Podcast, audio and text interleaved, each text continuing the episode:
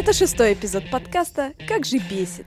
В нем мы говорим о событиях и явлениях, которые нас цепляют, возмущают и просто бесят. Всем привет, я Екатерина Павлова.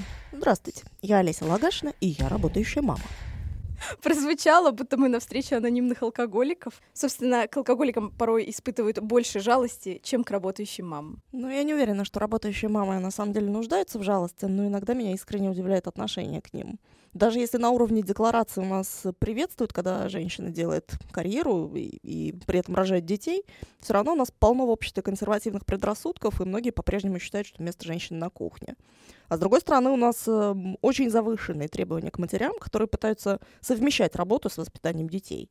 Ну, про жалость я имела в виду, что от алкоголиков общество требует, ну, там, условно говоря, прилично себя вести, в то время как от работающей мамы содержать дом в чистоте, кормить семью правильной пищей, никакого фастфуда, с ребенком заниматься, всячески его развивать, делать с ним домашку, и про мужа еще надо не забыть, потому что если он уйдет, половина скажет, что это потому что жена карьеристка и на него забила просто. И такие примеры нам известны успешных женщин, да? Э, ну, на самом деле, мы решили записать этот подкаст, потому что на днях премьер-министром Финляндии стала 34-летняя Санна Марин. Правильно же я произношу фамилию? Кажется, да. У которой на руках почти двухлетняя дочь. И сама Марин говорила в интервью, что ухаживать за ребенком ей активно помогают родственники, ну и муж, конечно. Но я уверена, что просто найдутся женщины, которые скажут, что Марин горе-мать, потому что ее девочке два года, а она тут решила возглавлять целое правительство. Ура! Олесь, ну вот ты как э, мама и одновременно начальница, как ты справляешься? Ну, на самом деле классная новость, что Марин стала премьер-министром. Приятно видеть у соседей в качестве руководителя страны симпатичную молодую женщину, которая, к тому же, не будем забывать, росла в однополой семье. И я считаю, что ее взлет это такой, на самом деле, наглядный пример э, того, что ультраконсерваторы, мягко говоря, не правы, когда говорят о том, что такие семьи несостоятельны, и будущее у усыновленных детей в таких семьях, оно печально. Вот он совершенно прекрасный пример обратного. Что касается меня, ну, я, правда, совершенно не уверена, что я была бы готова и вообще хотела бы что-то возглавлять когда моему э, ребенку всего два года, хотя со мной именно так и получилось. Я вышла на работу как раз, когда сыну два исполнилось. Причем я вышла сразу на две работы, одна из которых мне была совершенно незнакома. Я пошла на телевидение, э, делать свою передачу. Я никогда раньше этого не делала, мне пришлось учиться там буквально на ходу. А вторая работа предполагала руководство сравнительно большим отделом, это 33 человека на тот момент, и, в общем, это предполагало работу приблизительно 24 часа в сутки, 7 дней в неделю. И, в общем. Ну подожди, ну а как же тогда, а с кем сидел ребенок? Как ты успевала там? Как ты вообще жила тогда? Я с трудом себе представляю, как я тогда жила. В общем, никто к этому не был готов. Ни коллеги, ни работодатели, ни, естественно, мой ребенок, который совершенно не оценил мое отсутствие дома. И, в общем, я бы вряд ли тогда справилась. В какой-то мере, наверное, не справилась. Но мне тогда дома очень сильно помогали, конечно, мои родители. А у тебя было такое, как, знаешь, в фильмах показывают, когда мама или папа приходят домой, а они очень редко э, видят ребенка, и ребенок такой типа не узнает родителя, и родитель, соответственно, чувствует себя просто э, ужасно. Нет, такого никогда, конечно, не было. Ребенок меня все-таки видел. Но у меня ребенок когда пошел э, в детский сад, э, причем это мне еще повезло, что я его так рано все-таки устроила в детсад, потому что далеко не всегда это возможно, есть проблемы с местами. Но проблемы с поведением у него возникли немедленно. Более того, он, естественно, как только пошел в детский сад, он сразу стал болеть, соответственно, кто-то должен mm-hmm. был сидеть с ним дома, и это, в общем, был адище. Ну, я на самом деле, хоть и не мама, но то, что я слышала от своих подруг, которые стали ими, а, это то, что их всех пытаются научить жить и как воспитывать э, правильно детей.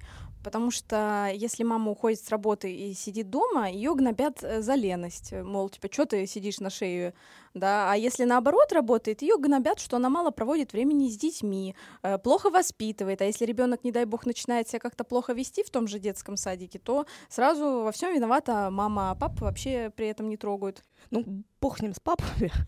Меня на самом деле ужасно бесит, когда кто-то начинает предъявлять претензии а «Родители, займитесь уже своими детьми, если у вас ребенок не успевает в школе, не дай бог еще школа эстонская, это только ваша не сделанная работа». Кто бы спорил? Естественно, любой, любой косяк у детей — это косяк у родителей, да, понятно, откуда все это и проистекает. Мне бы очень интересно было узнать, как, должны, как должна раскорячиться, например, мать-одиночка, если просто не на кого свалить эту часть работы, да, если тебе одновременно приходится быть добытчиком в семье, при этом э, быть безукоризненной курицей на сеткой. Вот пришла полудохлая с работы в 11 часов вечера, отработав, допустим, с 8 часов, и ребенок требует, чтобы ты с ним поиграла. А если ты с ребенком не поиграла, он у тебя слушаться никогда не будет.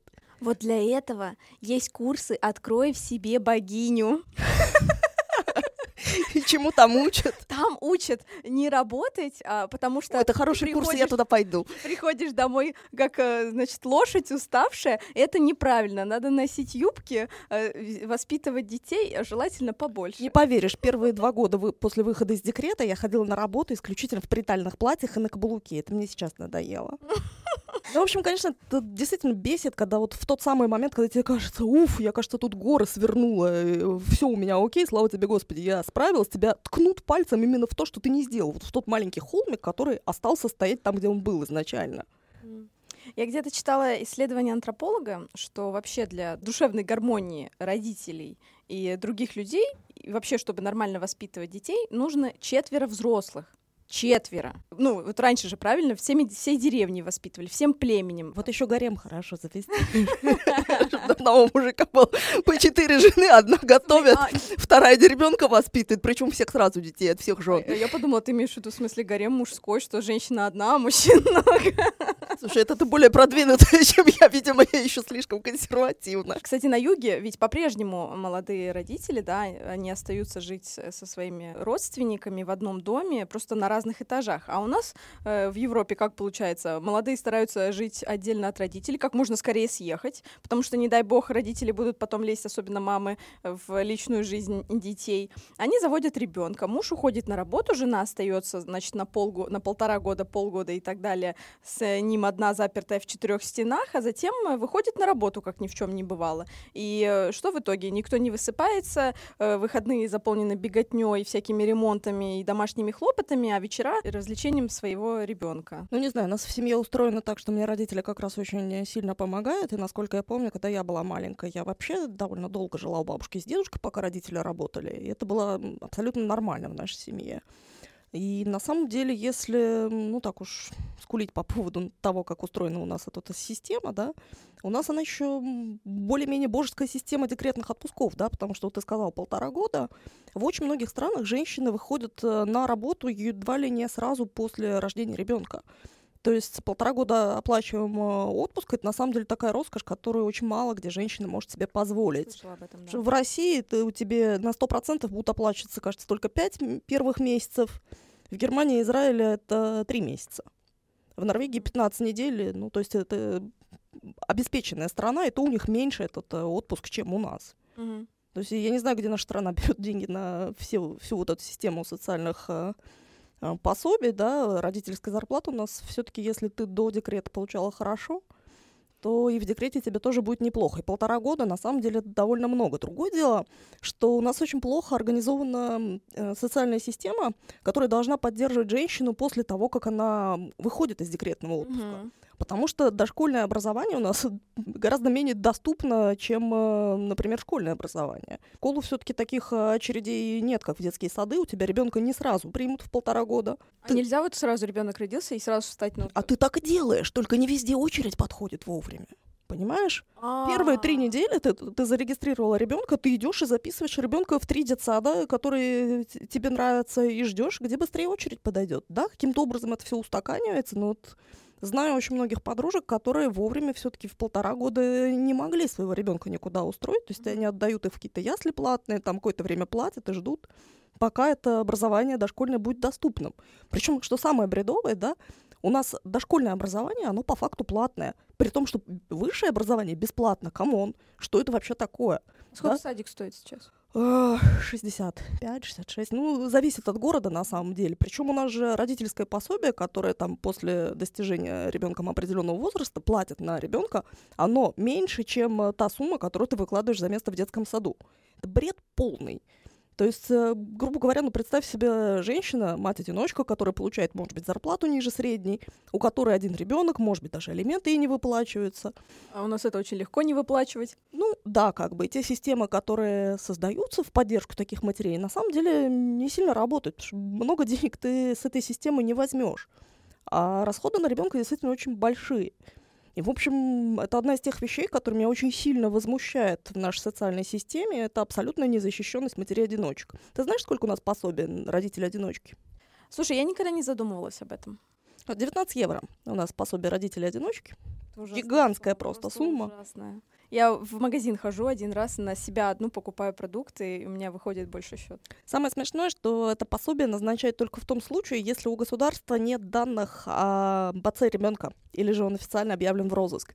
То есть, если ты хочешь записать э, а, отца есть, в ага, метрику, да, в свидетельство о рождении ребенка, то ты уже не будешь родителем-одиночкой. Даже если по факту этот папаша живет там в другой стране, денег не платят и прекрасно себя там чувствует. И даже, то есть, получается, и 19... Даже на эти 19 евро ты не имеешь никакого права. Зато живущая там, допустим, в трехэтажном доме семья, где есть два родителя, где есть трое детей, где хорошо зарабатывают оба родителя, допустим. Собственно, поэтому они и завели себе столько детей. Собственно, да, понимаешь, ты можешь работать в какую-нибудь нефтетранзитную компанию, жить в трехэтажном доме, иметь троих детей и получать при этом э, пособие в несколько сотен евро от государства. И рядом мать-одиночка, которая может получать зарплату ниже среднего, не получать вообще никакого практически пособия, да? Не твоя, вот и бесишься. Ты понимаешь, как бы, я рад за тех, кто получает, но мне кажется, что это очень странно, потому что система должна исходить не из э, количества детей, а из потребности все-таки. У нас есть э, очень обеспеченные семьи, которые получают это пособие. И есть очень необеспеченные матери-одиночки, которые пособие не, про- не получают практически вообще. И когда я об этом с премьер-министром однажды разговаривала, я вот задала тоже тот же самый вопрос, что и тебе, знаете ли вы, сколько у нас составит пособие родителей-одиночки, он, естественно, об этом не знал. Ну, come on, ты представитель э, партии, которая считает себя социалистической, ты даже не поинтересовался этим вопросом. Лично мне кажется, что это чистая дискриминация, что в таких условиях э, справляться с тем, чтобы кормить семью и одновременно воспитывать ребенка, это практически нереально. Хорошо, если зарплата матери-одиночки выше среднего. Но так работа, социальная система не поддерживает э, таких матерей вообще никак. И их возвращение на рынок труда, оно как бы вынуждено, но достаточно проблематично. Ты вот э, заговорила про отцов, что они могут там куда-то и- исчезнуть, да, и это единственный косяк, который мы приписывают. То есть, если вот опять возвращаясь к воспитанию детей, если с детьми что-то не так, то все сваливают на маму, а папы, папа обвиняют только вот если он ушел из семьи там или сгинул куда-то, а на женщину ложится в итоге весь груз ответственности, и общество по-прежнему пытается втюхать нам вот эту модель успешной бизнес-вумен с идеальными детьми.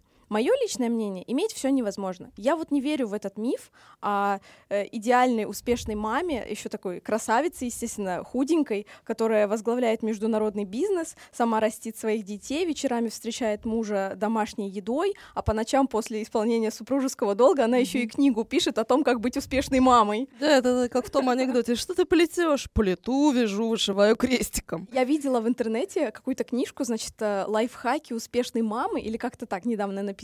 И, э, естественно, книжку-то читать не стала, но прочла комментарии. И просто все комментарии однотипные. Э, это мамаша оторвана от жизни. В реальности так не бывает. Не, ну, может быть, у кого-то бывает, э, допустим, если человек занимает на работе какой-то высокопоставленный пост, но при этом у него 150 помощников, которым можно делегировать свои обязанности, да? Дома, в принципе, ты тоже можешь часть обязанностей делегировать, если есть мама, папа, там бабушка, дедушка, которые тебе тоже в нужный момент просто плечо подставить.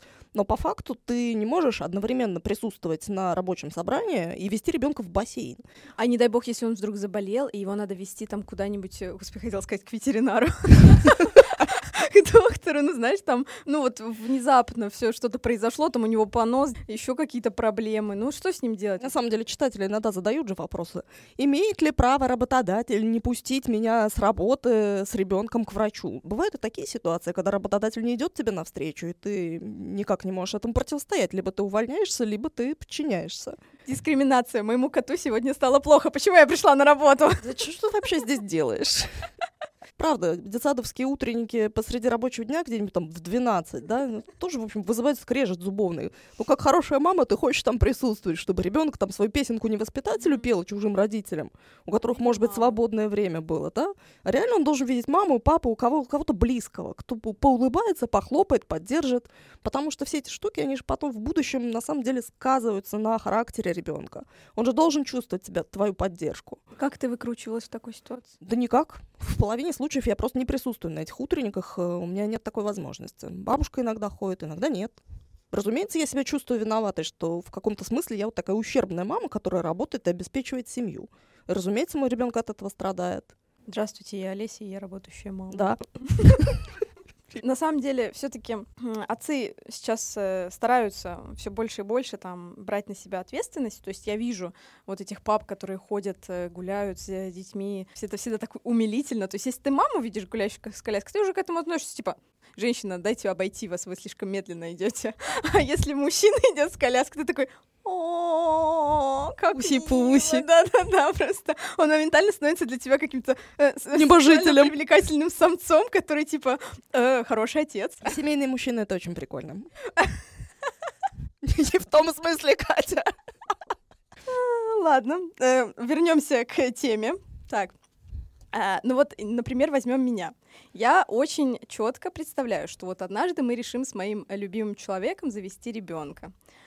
Я много работала, честно, и я очень старалась, я очень много училась, э, развивалась, пыталась там что-то сделать дополнительное. И я знаю, мне будет мало быть просто мамой. Я не смогу вот чувствовать себя полностью реализованной, потому что, ну, как бы, моя работа, она социально очень значима. И однажды я захочу вернуться на работу и пойму, что я оказалась в глубокой яме, потому что в итоге преуспевать и на работе, и дома не получится. Я вот просто в этом уверена. И об этом, кстати, пишет э, в своей книге о влиянии материнства один экономист, женщина Джессика Пан, она вот заявила, что некоторые... Наверное, тоже очень успешная женщина. Книжки пишет, детей, наверное, воспитывает. Из Сингапура, кстати. Хорошая страна. Экономически очень успешная, да. В общем, она заявила, что некоторые молодые женщины, они проявляют неуместный оптимизм в оценке карьерных перспектив после рождения ребенка. Ну, наверное, она права. В этом смысле я очень рада, что я успела защитить диссертацию до того, как я ушла в декрет. Собственно, моя академическая карьера окончилась именно в тот момент, когда я ушла рожать ребенка. Да с возвращением на работу было не все гладко, потому что так или иначе выпадаешь из обойма на какое-то время. Нет, ну, конечно, если ты хороший специалист, если ты сильная, целеустремленная, естественно, ты пробьешься когда-нибудь.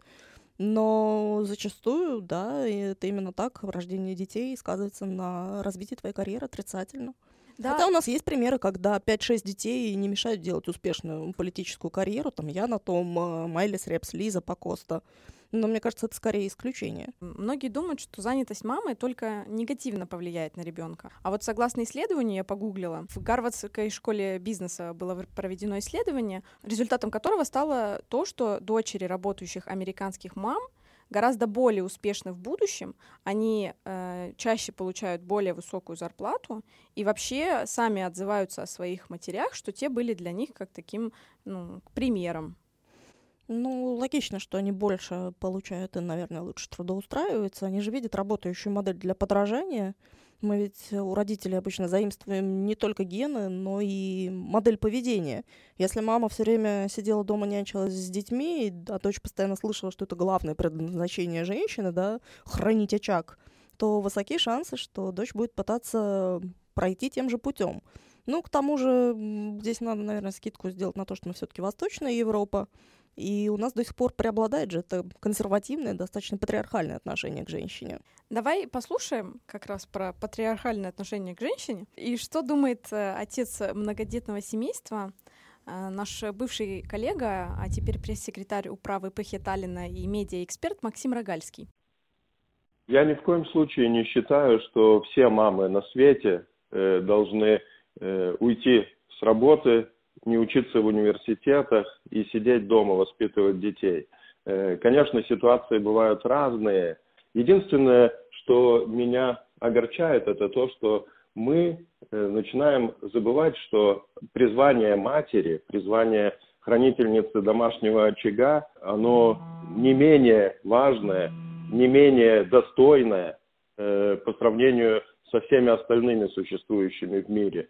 Э, просто уже сто лет, можно сказать, в головы вбиваются какие-то э, такие э, постулаты э, нашим женщинам, э, что они обязательно должны состояться как профессионалы, э, они должны получить образование не хуже, чем у их мужей. Э, а реально это получается, что у нас женщин с высшим образованием даже больше, чем мужчин.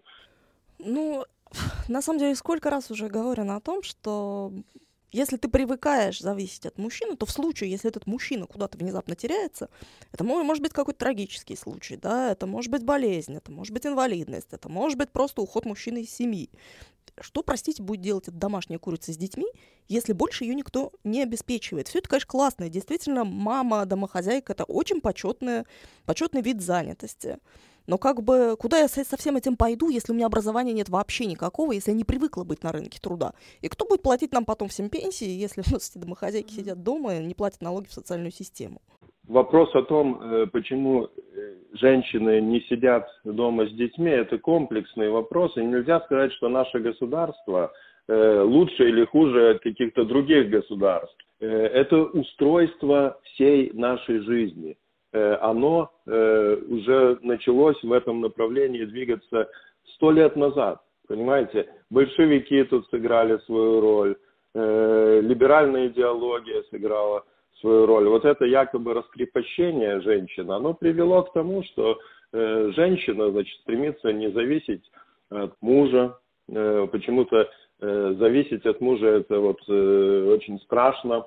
Э, а, кстати говоря, по нынешним временам это даже и очень неоправданно, потому что на мужчин нельзя положиться. Браки заключаются не на всю жизнь, как это задумано изначально, а на какое-то время, пока нам обоим хорошо друг с другом. Э, ну и, конечно, это приводит к тому, что он или она встречают кого-то получше, покрасивее, побогаче и исчезают из жизни друг друга. Ну и что женщина тогда в, этом отнош... Э, в такой ситуации должна делать? Конечно, она стремится себя обезопасить и приобрести хорошую профессию, сама зарабатывать, чтобы справиться в случае чего, если этого так называемого мужа как ветром сдует. Так что нельзя тут обвинять этих женщин. Это устройство вот всей нашей жизни, которое пошло в таком неправильном направлении, оно привело к такой ситуации. Слава тебе, Господи. Спасибо тебе, Максим, что нас хотя бы не обвиняют в том, что мы следуем какой-то неконсервативной модели общества. Не, ну это все дичь, конечно. Это абсолютно неперспективная модель семьи, о которой он говорит, которая способствует увеличению гендерного неравенства в обществе. Я себе представляю этих несчастных женщин, если бы мы жили так, как это, как это делали наши предки, да, когда ты не можешь развестись и всю жизнь мучаешься с одним и тем же человеком, который, может быть, он даже не тиран, может быть, он тебя даже не бьет, он уже может быть феерическим занудой, блин. Э, Понач- поначалу он тебе, свой. да, поначалу он тебе нравится, потом через год ты поняла, ой, мама, куда же это я замуж вышла, и оста- оставшиеся 50 лет или сколько ты там живешь, ты живешь вот с этим занудой бок о бок, упаси господи. И, и что, э, если женщина работает полный рабочий день, э, где ребенок в это время находится? В детском саду, да? Значит, его воспитывает не мама с папой, э, какая-то тетенька-воспитательница, да? По тем методичкам, в лучшем случае, которые утверждены там где-то какими-то другими дядями и тетями в министерстве. Хорошо, воспитывает телевизор, воспитывает теперь уже планшет, компьютер, телефон воспитывает. Э, и не, не надо удивляться тогда, что дети э, нас э, удивляют в плохом смысле этого слова. Это все так трогательно, воспитывать не мама с папой. Покажите мне, как воспитывали, не знаю, в крестьянской семье. Там вообще никто особо не занимался воспитанием. Подрос чуть-чуть, титьку бросил, пошел работать в поле. Да. Какие игры, какие занятия с ребенком? А там в дворянских семьях гувернантки занимались деть, угу. детьми. О чем мы говорим вообще? Конечно, есть у нас э, женщины, которым забили мозги феминистической пропагандой, которая уже, которая не вчера у нас возникла, ей уже сто лет. И они почему-то думают, что счастливой быть нельзя, оставаясь домохозяйкой, а нужно обязательно стать какой-нибудь там чиновницей или менеджером высшего звена или еще кем-то. На самом деле э, призвание матери, призвание хранительницы очага – это высшее призвание. Выше ничего быть не может. Это и работа, и миссия. Э, это все на свете. Женщина должна бы быть ориентирована на семью, на рождение детей, потому что если дети не рождаются, то возникает вопрос, а где они вообще-то? Э, а где дети-то? Если их нет, этих детей, то, то конечно, ну, возникают такие компликации э, потому что не расходуется и материнская вот эта энергия материнской любви, заложенная в женщине. Они начинают, она начинает сублимироваться куда-то, там вот покупают две собачки, э, их там расчесывают, заботятся о них, э, бантики им повязывают, э, еще что-то. Бывает, что за экологию начинают сражаться, а в худшем случае за права женщин. Ну вот э, это, конечно, неудачный пример, потому что э, я знаю много семей, в которых там э, ребенок, несколько детей, у них эти собачки, о них охотятся. У меня собачка, две кошечки, ребенок и работа. Конечно, если несчастная женщина приходит с этой своей каторги трудовой домой, и ей еще нужно погладить одежду ребенку, собрать ему рюкзак в школу. Ясное дело, что мужчина должен ей помогать. Тут и вопросов никаких не, не может быть. Но все-таки нужно думать о такой наилучшей вот организации э, этой жизни, ну, максимально возможным образом в нашей ситуации, потому что мужчины и зарабатывают недостаточно для того, чтобы содержать всю эту вот семью, э, в которой в идеале должно быть там 5-6 детей, 5, 6, 7, а то и больше. Э, пожалуйста, женщина, э, естественно, когда столько детей – ну какая может быть работа? Дома надо быть, надо все, всем этой, всей этой компанией, всем этим коллективом управлять, нужно детей воспитывать, дом в порядке поддерживать. А мужчина тогда зарабатывать должен столько, чтобы все это было бы возможно. Э, но у нас же не получается сейчас так. И зарплаты маленькие у мужчин, и сами мужчины пошли не те. Так что о чем мы говорим? Э, говорить можно только об идеале. Мой идеал теперь хозяйка, да? Нет, это мы возвращаемся на семинар. Помнишь, такой был знаменитый, когда женщина говорит, вот зарабатывающий до 100 тысяч рублей — это таракан. Ох, я даже не знаю, что сказать по этому поводу, потому что, с одной стороны, да, в каких-то моментах э, Максим, наверное, прав, и каждый из нас в какие-то моменты хочется побыть вот этой хозяйкой, которая не ходит на работу, создает дома уют, э, готовит, экспериментирует с рецептами, ничем больше не занимается, кроме семьи. Но все равно через какое-то время это все надоедает. И все равно как бы способов реализовать себя, их достаточно много, и достаточно странно, когда мы заведомо отдаем предпочтение именно одному из них. А семья все-таки это очень важно. А, семейный очаг это тоже очень важно, но все-таки это должно, наверное, как-то быть более современно, что ли, потому что никто никогда не отменит э, вот этой проблемы зависимости женщины от мужчин, разницы в зарплатах и того, что женщина, если у нее образования нет, она семью содержать одна не сможет. Вот просто, чтобы подвести итог, вот хочу сказать, что я мечтаю о том дне, когда в обществе начнут более терпимо относиться к работающим матерям, женщин с детьми станут более охотно брать на работу после декрета, а, закрывая глаза на то, что она будет брать постоянно больничный по уходу за ребенком. Хочется, чтобы общество не тыкало пальцем в мам, которые не э, идут работать по каким-то причинам или наоборот идут работать, но не потому что надо, а потому что хочется. И при ну, этом они не успевают чуть-чуть за воспитанием детей. Да, да, У нас у всех есть какие-то огрехи, да, мы все несовершенные, в общем, наверное, следует быть к этому более терпимым. А выходу женщин на рынок труда следует способствовать, причем в гораздо большей мере. И систему родительских пособий, конечно, необходимо менять. В общем, спасибо, что слушали нас. Подписывайтесь и пишите на венаsobачкапостимес.е или оставляйте комментарии, что раздражает вас. Будем беситься вместе. thank you